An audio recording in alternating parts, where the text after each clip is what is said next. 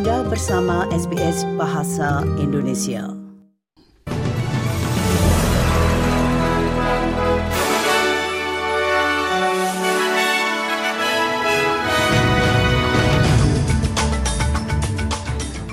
Warta berita SBS Audio untuk hari Rabu tanggal 26 Juli.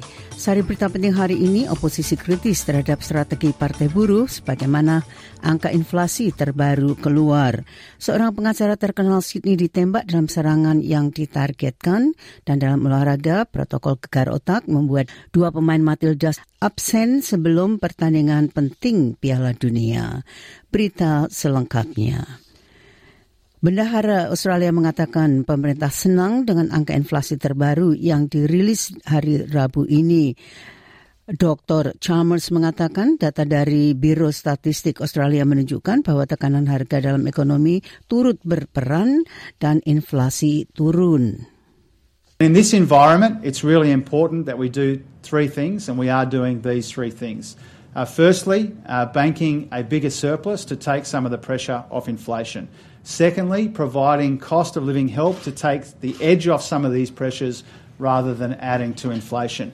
And thirdly, focusing on and investing in the supply side challenges. Pihak oposisi mengatakan tidak setuju dengan warga Australia dapat merasa nyaman dengan angka inflasi terbaru yang menunjukkan bahwa tekanan harga mereda. Juru bicara Shadow Treasurer Angus Taylor mengatakan harga naik bukan turun. Dikatakannya prioritas pemerintah harus membawa inflasi kembali ke kisaran sasaran dan kemudian menjaganya tetap di sana. This is not going to be easy because the government is focused on dealing with the, the symptoms of the problem, not the source.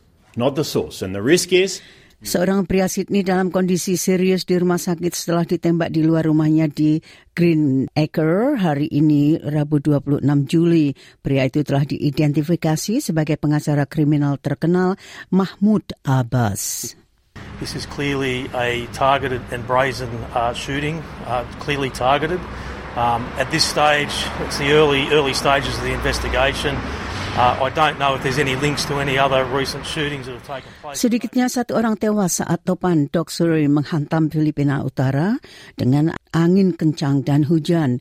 Badan Bencana Nasional negara tersebut mengatakan orang tersebut tenggelam di Provinsi Rizal setelah topan tersebut yang diperkirakan akan meng mempertahankan kekuatannya saat berlanjut menuju Taiwan dan China akhir pekan ini.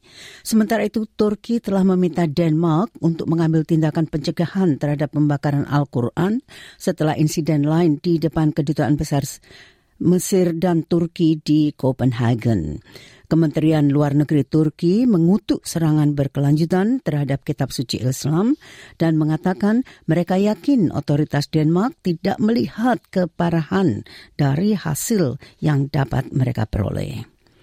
Nah, para advokat mengatakan kepada penyelidikan parlemen bahwa para pelaku kekerasan seksual mengeksploitasi celah dalam sistem peradilan untuk membuat trauma para penyintas dan menghindari pertanggungjawaban. No to Violence, sebuah organisasi yang bekerja dengan laki-laki untuk mengubah perilaku kasar mereka, mengatakan bahwa pelaku biasanya mengeksploitasi kelemahan dalam sistem untuk keuntungan mereka.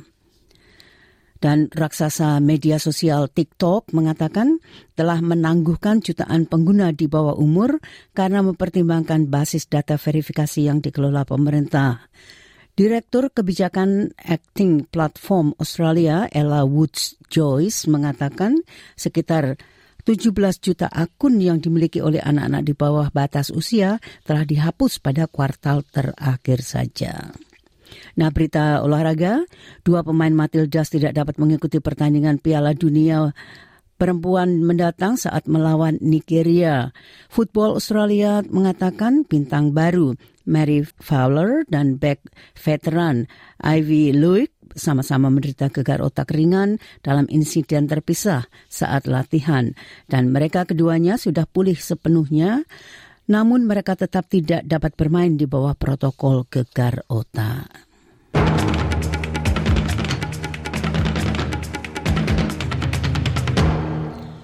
Sekali lagi, sari berita penting hari ini, oposisi kritis terhadap strategi Partai Buruh sebagaimana angka inflasi terbaru keluar.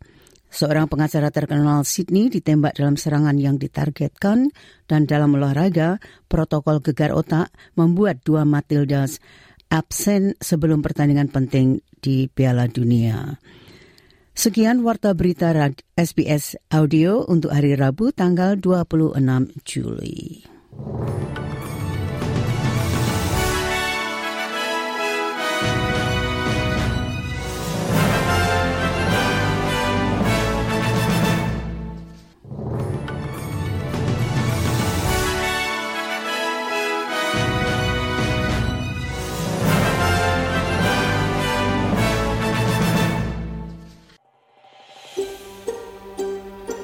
Sukai, berbagi, komentar. Ikuti SBS program Bahasa Indonesia di Facebook.